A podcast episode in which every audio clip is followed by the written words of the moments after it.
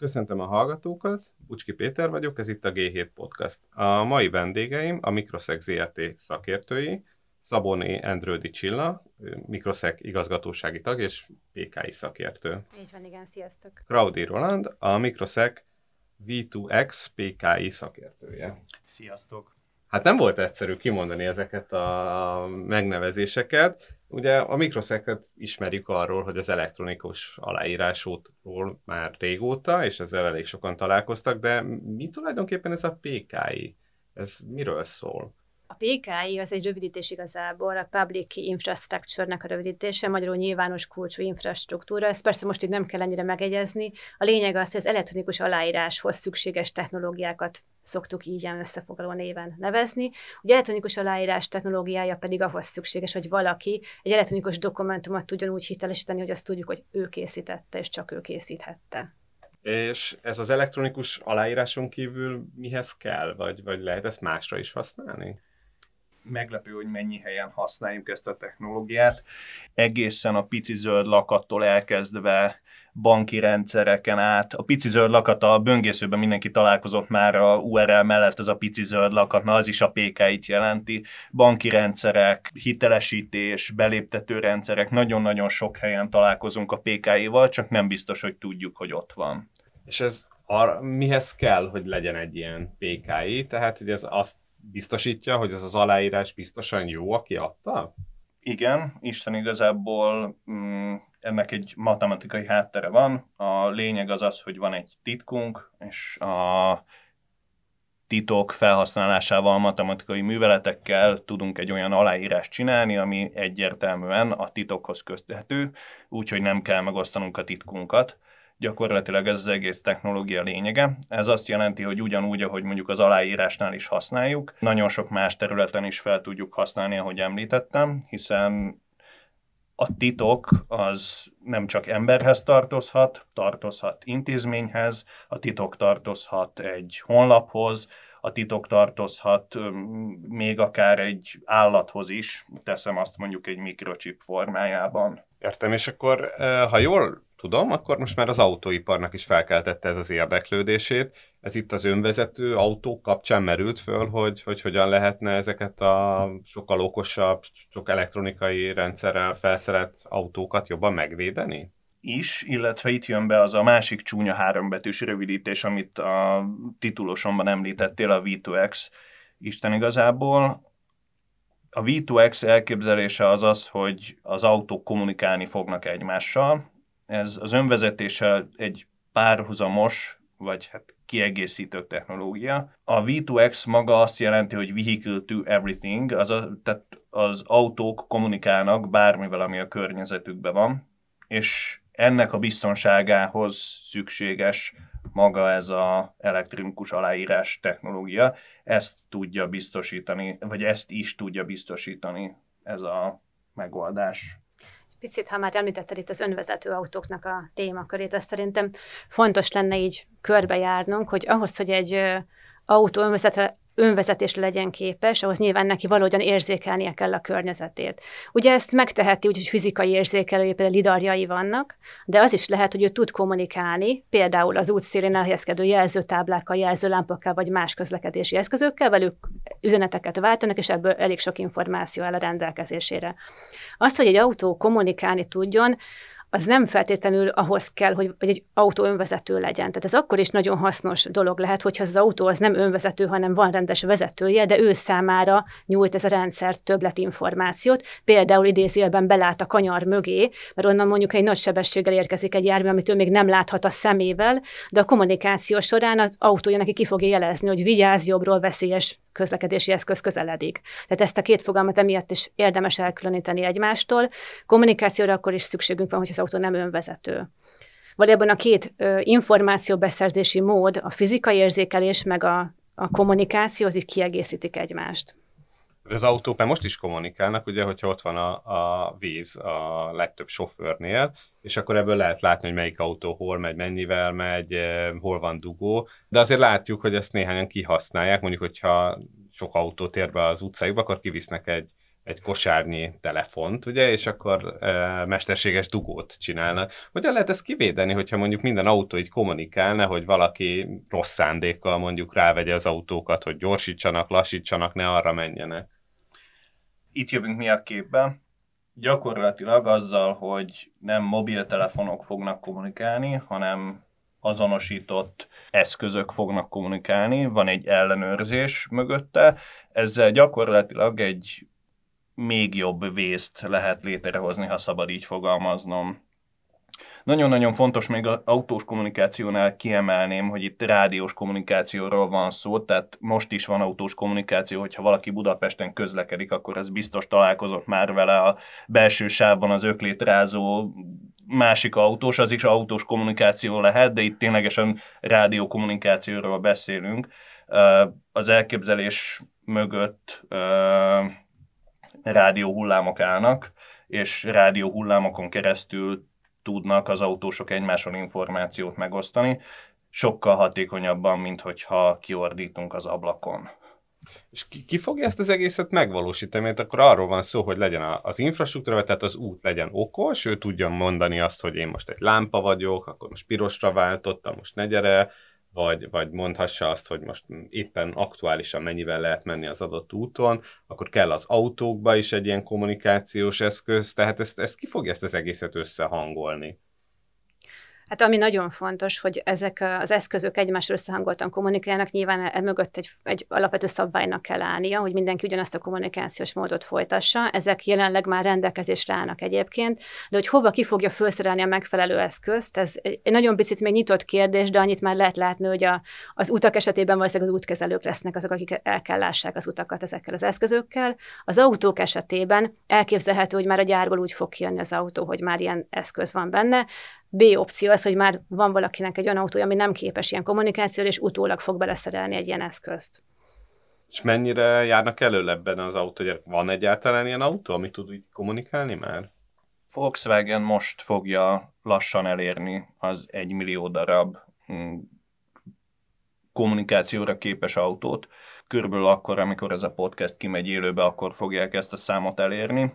Ez a Golf 8, Golf 9-es modelleket, illetve az ID3, ID4 modelleket jelenti, illetve hál' Istennek az autógyártók kényszerhelyzetben vannak. Az Európai Unió szeretné lecsökkenteni a közúti halálozások számát, és ezért nagyon sok szabályozást vezetnek be mostanában, és az egyik ilyen, hogy az Euro NCAP követelmények, az Euro NCAP egy törésteszt, az Euro NCAP követelmények közé az öt csillagos értékeléshez most már kénytelenek lesznek autós kommunikációt beleépíteni a járművekbe.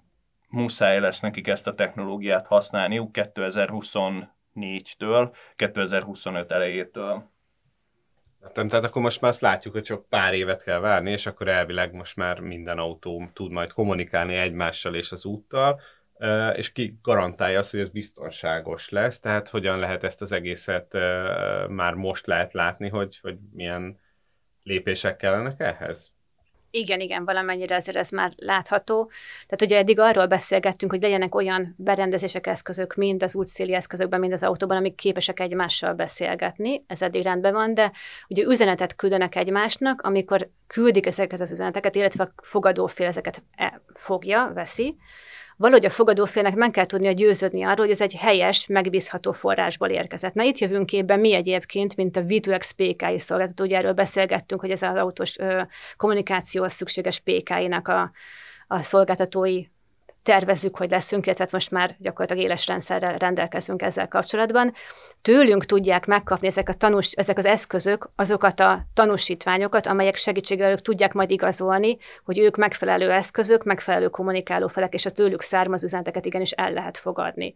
Mert ugye ezzel ténylegesen vissza lehetne élni, hogyha valaki nem legális félként félrevezető üzeneteket tudnak küldeni pedig mennyire jó lenne a Szentendrei úton végig hasítani, úgyhogy mindenkit leparancsol az ember egy mentőautó jogosultsággal az útról, hogy már pedig mindenki húzódjon le előlem, sokkal gyorsabban érnék be a munkahelyemre, de még úgy is, hogy én foglalkozom vele, így se fogok ilyen tanúsítványt kapni. Így van. Roland egyébként egy nagyon fontos témakört említett most meg ezzel, hogy nem csak uh, olyan üzeneteket lesznek képesek küldeni ezek az eszközök, hogy hol vagyok, vagy milyen sebességgel közlekedem, hanem egy jogosultságokat is lehet majd rendelni bizonyos eszközökhöz, bizonyos járművekhez, például mentőautó, vagy rendőrautó, vagy bármilyen egyéb kiemelt jogosultságokat is. Akik ugye sokkal több mindent meg tudnak majd tenni, akár ténylegesen mondjuk zöldre váltani a lámpákat. Már csak ugye az a kérdés, hogy akkor ez mennyire tud működni önvezetéssel, vagy önvezetés nélkül is, tehát hogy az is elképzelhető a jövőben mondjuk, hogy az egymással kommunikáló járműveket egy, egy, egy mesterséges intelligencia szabályoz, hogy mondjuk ne is legyen lámpa a kereszteződésbe, hanem, hanem egymás után pont áthaladjanak. Elképzelhető, de ez nagyon-nagyon-nagyon a jövő. Azt kell látni, hogy az önvezetés mellett ez egy kiegészítő technológia ugye mindenek vannak lépcsői. Az önvezetésnél ugye ami a probléma az az, hogy a szenzorok csak azt látják, ami úgymond a látóterükben van.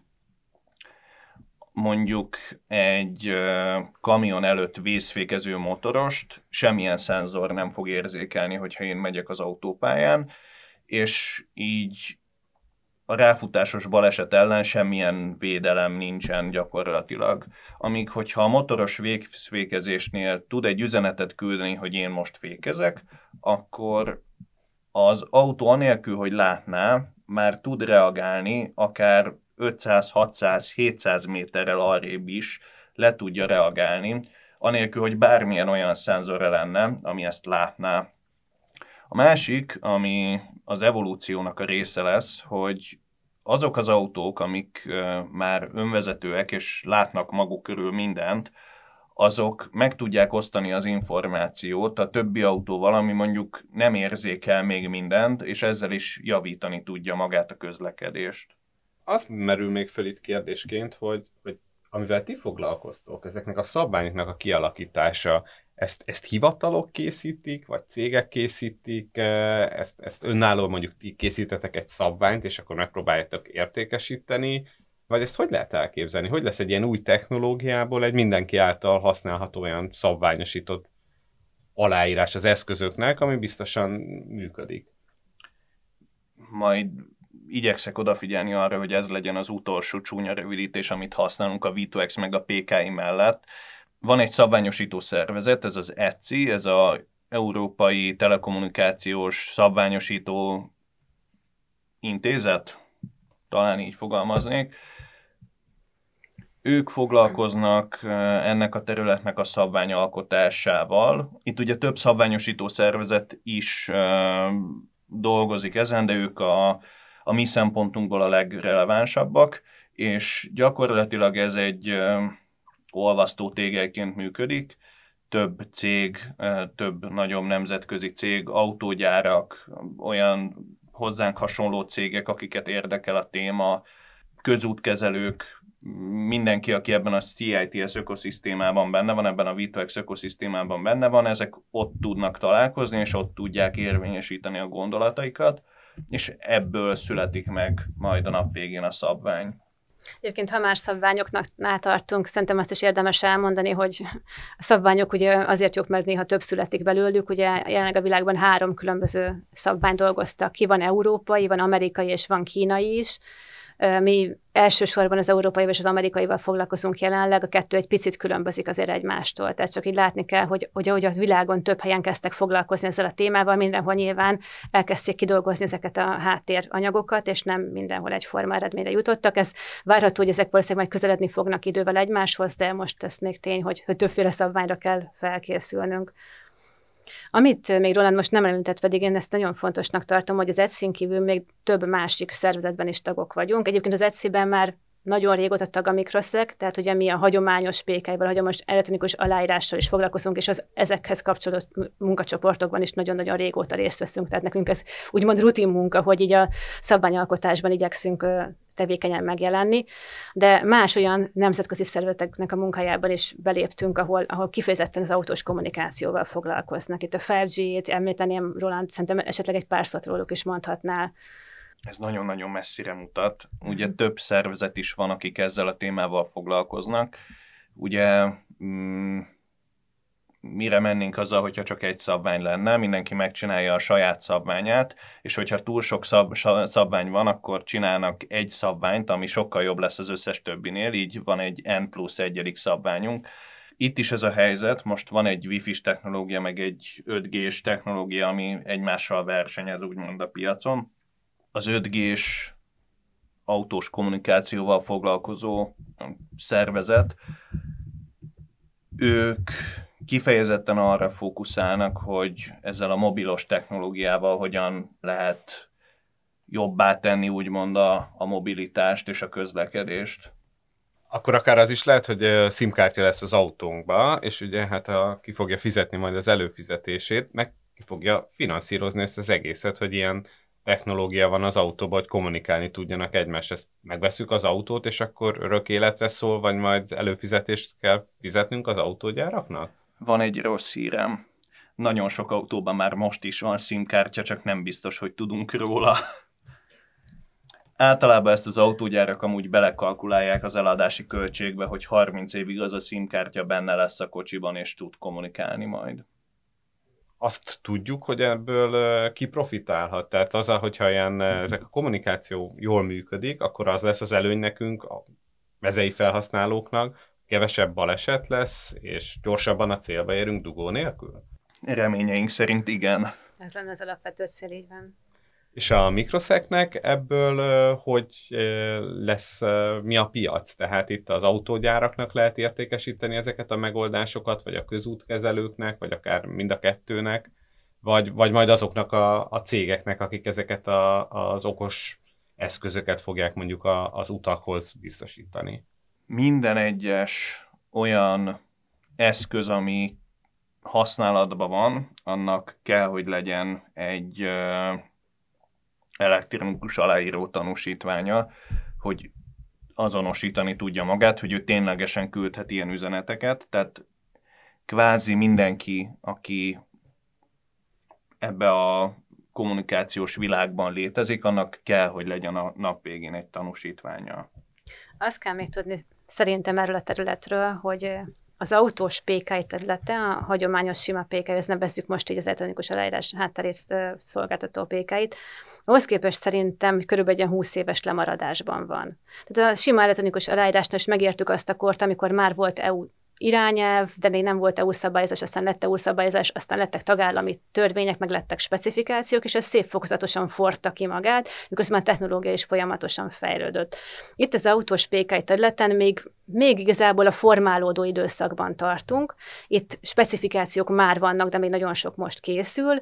EU policy már van, de még azért ez is formálódik, még az végső elfogadást még igazából most pont nem sokára várjuk és valójában a éles használat is a PKI-val kiegészített kommunikáció és a legtöbb országban még, még a pilot fázisában tart. Tehát, hogy ezért is, hogy erre is próbálnék utalni, hogy, hogy itt még sok minden van kialakulóban. Én azt gondolom, hogy a következő pár év lesz az, amikor el fog dőlni az, hogy hol és kik lesznek a szolgáltatói ennek a technológiának. Tehát akkor most hiába akarnánk elszaladni és vásárolni egy olyan autót, ami képes ilyen kommunikációra, még nem nagyon lenne másik olyan autósok, akivel tudnak kommunikálni, meg még eszköz se. Tehát ez valószínűleg még pár évet kell várnunk erre, hogy ez, ez, ez a piac beinduljon. A tuti tip, hogy volkswagen kell venni, nem tudom, hogy ezt elmondhatom el reklám de hogy ők per pillanat az egyetlenek, akik ilyet tudnak a piacon, tehát volkswagen kell venni, és a német autópályán vagy az osztrák autópályán kell furikázni, és, és ez a tuti recept, hogyha valaki ezt ki akarja élvezni. Egyébként a Volkswagen számunkra egy picit érdekes módon, de ők nagyon előjárnak ebben a technológiában, illetve ennek a technológiának a bevezetésében. A Volkswagen volt az első, aki a saját PKI rendszerüket auditáltatta egyébként. Mi voltunk most idén, mi tudomásunk szerint a másodikak, persze lehet, hogy van más, és mi nem tudunk másról. Mi a Microszek, a mi rendszerünket is auditáltattuk most nem olyan régen. Tehát, hogy mi ebben nagyon nagy fantáziát látunk, és nagyon szeretnénk ezen területen komoly szereplőként megjelenni. Érdekes, hogy Németországban járnak ebben elől mind az autógyárak, mind infrastruktúrában, ahol azért elég nagy hagyománya van az adatvédelemnek, és nagyon nem szeretik az állampolgárok megosztani az adataikat. Itt azért mégiscsak arról van szó, hogy, hogyha ha járunk az autókkal, nem félő, hogy egy hacker kitalálja, hogy melyik a mi autónk a jelekből, vagy ugyanúgy, hogy mondjuk a rendszámunkat, hogyha valaki felírja, és akkor tudja követni, itt azért meg is egy digitális nyomokat hagyunk, ezzel kapcsolatban nem merülnek fel ilyen aggodalmak? Hál' Istennek a technológia ez ellen is véd. A háttérben az áll, hogy az azonosítóit tudja cserélgetni az autó kommunikáció közben. Ez azt jelenti, hogy mondjuk egy kereszteződésnél, én mondjuk, hogyha egy tényleg tradicionális kereszteződés van, akkor három irányba kanyarodhatok. Hogyha én a következő, ha ennél a kereszteződésnél lecserélem az azonosítóimat, akkor a következő kereszteződéseknél is három irányba kanyarodhatok, és ez folyamatosan nő ez a szám, tehát egy idő után már lehetetlen lesz megtippelni is azt, hogy én hol vagyok, pedig mennyire jó lenne mondjuk figyelni azt, hogy mikor közeledik az ember anyósának az autója, mert akkor teszem azt attól függően, hogy kinek milyen az anyósa, friss forró kávéval tudja várni, vagy be lehet csukni az összes ajtót, ablakot, hogy véletlenül se tudjon bejutni. Ezt mindenki eldönti magának. De hál' Istennek megoldott az, hogy ne lehessen összekötni magát az autót, az autóst, és az üzeneteket. És az akkor utólag is visszakövethetetlen, hogy, hogy mi történt. Vagy mondjuk ugye a repülőknél látjuk, ugye, hogy erre vannak adatbázisok, és ezt, ezt, ezt kikeresik, ugye, hogy melyik repülő merre járt, tehát akkor ilyet nem lehetne nagyon.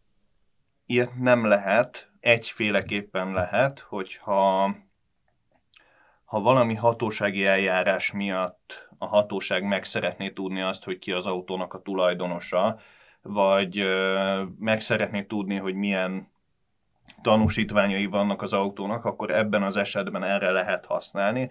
De alapjáraton az, a repülőkhöz képest legnagyobb különbség az az, hogy az autók azt akarják kommunikálni, hogy nekik vannak ilyen jogosultságaik, amíg a repülők, ők ténylegesen magukat akarják kommunikálni, hogy én ez a repülő vagyok, és erre megyek. És ennek az egésznek milyen kapcsolata van a, a biztonsággal? Tehát ugye a közlekedés biztonság az régóta fontos, ugye nagyon sok eszközzel el van ma már látva egy modern autó, tehát a ráfutásgátlótól az automata fékezésig, tehát ezeket az eszközöket mennyire tudják ezek a kommunikációs megoldások mondjuk okosabbá vagy hatékonyabbá tenni? Ugye minél több információ jut az autóz, annál több, több lehetősége van arra, hogy a helyes döntést hozza meg. Tehát ez mindenképpen itt kapcsolódik be, hogy egy okos autó, amelyik kommunikál a környezetével, üzeneteket vesz, fogad, illetve ad. Minél több információ a rendelkezésére, annál biztosabban fogja tudni, vagy ha önvezető, akkor ő maga befolyásolni a vezetést, vagy pedig ö, olyan tartalmú segítséget nyújtani a vezetőnek, hogy most mit csináljon nagyon-nagyon sok baleset meg előzhető lenne ezzel a technológiával. Illetve a másik téma, amit már szintén említettünk, hogy ha optimalizálni tudnánk a vezetést, vezetési szokásokat, a konkrét vezetési stílust, sebességet, stb., a megkapott információk alapján, akkor igazából feltételezhetően még gyorsabban is odaérnénk, ahova készültünk, annak ellenére, hogy lehet, hogy nem mindenhol, nem tudom, a maximális megengedett sebességet épne mindenki, hanem ki lenne optimalizálva, hogy ne kelljen fékezni, ne kelljen gyorsítani. Zöldet kapjunk, mire odaérünk. És kinek ez az érdeke ezt használni? Alapvetően a személyautóknak, tehát a magánfelhasználók érdeklődnek ez után, tehát, vagy, vagy esetleg akiknek nagy flottájuk van, legyen az akár taxiszolgáltató, esetleg egy Uber, vagy a tehergépjárművek esetében, tehát kinek lehet ez érdekesebb? Mi reménykedünk benne, hogy mindenkinek. Talán ahol a legizgalmasabb, vagy legérdekesebb lehet, az majd a önvezető kamionok esetében, mondjuk ahol egy konvoj úgy tud kommunikálni egymással, hogy a legelső kamionba ültetünk be egy darab sofőrt, és öt darab kamiont egy ember tud kvázi elvezetni, úgy, hogy a kamionok kommunikálnak egymással, ő nekik mondjuk van egy saját titkosított csatornájuk, amin keresztül csak ők tudnak megosztani információt a másikkal, és gyakorlatilag lecsökkentjük az emberi költséget az egyötödére. És ez inkább városi környezetben, vagy autópályán működhet először, mert ha jól tudom, a legtöbb ilyen teszt szakasz azért alapvetően autópályákon épült ki a Európában. Az első biztos, hogy az autópálya lesz, illetve az is biztos, hogy először az infrastruktúra fog az autók felé kommunikálni. És szépen lassan, majd ahogy fejlődik a technológia, úgy fognak ezek a különböző szolgáltatások bővülni. Tehát akkor mondjuk 10-20 év múlva azt is reménykedjük, hogy nem lesz semmilyen dugó az autópályákon, hogyha minden autó kommunikálhat egymással. Hát feltételezve azt, hogy az útkapacitás azért lehetővé teszi, és az autók számának növekedése ezt nem vonja abszolút lehetetlenné, de, de hogyha követi, akkor, nem követi a kapacitás, akkor, akkor abszolút remélhetjük, így van, igen.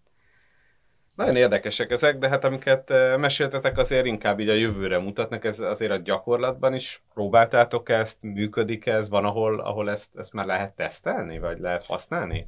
Mi is meglepődtünk, de működik. Nagyon sok olyan esemény van, ami kifejezetten arra irányul, hogy tesztelni lehessen ezeknek a működését.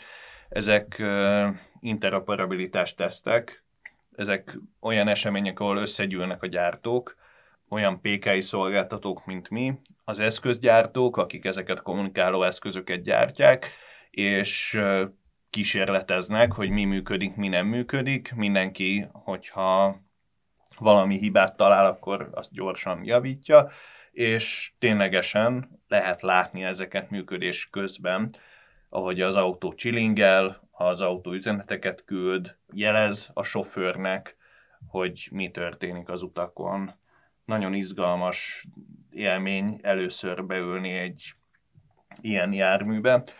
Például nem régiben volt az ITS World Congress, ennek a technológiának úgymond a világ találkozója, és ott nagyon sok ilyen demo autó volt, amiben bele, bele lehetett ülni, és ki lehetett próbálni, hogy mégiscsak milyen, amikor ezek a járművek kommunikálnak, és Hamburgban például már ténylegesen üzeneteket kapnak ezek a járművek a, a környezetüktől, és azokat a lámpákat is lehet így mondjuk látni, amiket alapjáraton nem látnánk. Akkor ezt úgy kell elképzelni, hogy egy, a, beülünk egy nagyvárosban egy ilyen autóban, akkor folyamatosan úgy jelzéseket kapunk, hogy milyenre vált a lámpa, mennyivel menjünk, baleset történt valahol, nem, nem, nem túl sok lesz ez az információ? Hogyha előttünk van maga a kioszk, akkor az ember ténylegesen azokat az információkat látja, amik, amik fontosak. Például egy autópálya mentén jelzi azt, hogy útmunkálatok, mit tudom én, 500 méteren belül, és általában azokat az információkat kapjuk meg, amik nekünk relevánsak. Például az, hogy milyen színű lámpa van a velünk szemben lévőknek, azt nem biztos, hogy kijelzi nekünk, de mondjuk az önvezetésnél ez már egy fontos információ lehet arra tekintve, hogy hogyan reagáljon az autó. Én ezt annyival egészíteném ki, nyilván ez majd a, a jövő zenéje olyan szempontból, hogy milyen felhasználói felületet fog látni a vezető, miközben ugye jönnek az üzenetek. Majd itt kell nagyon jól beállítani azt, amit Roland is mondta, hogy mik azok az információk, amit a vezetőnek is látnia kell, de biztos, hogy lesz nagyon sok olyan dolog, amit ez a szoftver a háttérben dolgoz fel, és abból kitalálja, hogy ebből most mi az, amit megjelenítsen a vezető számára. Ez adott helyzettől függően más és más információ lehet egyébként, ami, ami fontos lehet az, a vezetőnek. Tehát itt már tényleg okosan kell meghatározni azt a szintet, hogy mit toljunk az vezető arcába, mert tényleg a túl sok is néha kontraproduktív. Ez, ez így van. Annyit még hozzátennék, hogy most is a jelzések az autóban, csúszós út, esetlegesen a holt térben jelzi, hogy, hogy valaki tartózkodik. Ezeket is megszoktuk hozzászoktuk, hozzászoktunk, most már az életünk része. Valószínűleg, amikor ezek elkezdenek ezek az új üzenetek jönni, akkor ezek is szépen lassan az életünk részévé válnak, és nem fogjuk tudni elképzelni majd a, az életünket anélkül, hogy, hogy ne villogna a jelzés, hogy útmunkálatok 500 méter múlva. Hát ez is csak egy átmeneti állapot lesz, gondolom, az önvezetésük, úgyhogy addig megszokjuk ezeket a jeleket, akkor utána már lassan azt kell megszoknunk, hogy a kormányt se fogjuk. Hát én nagyon szépen köszönöm ezeket az érdekes információkat. Szaboni Endrödi Csilla és Claudi Roland voltak a vendégeink, és köszönjük a hallgatóknak a figyelmet. Viszont hallásra. Köszönjük, sziasztok! Köszönjük, sziasztok!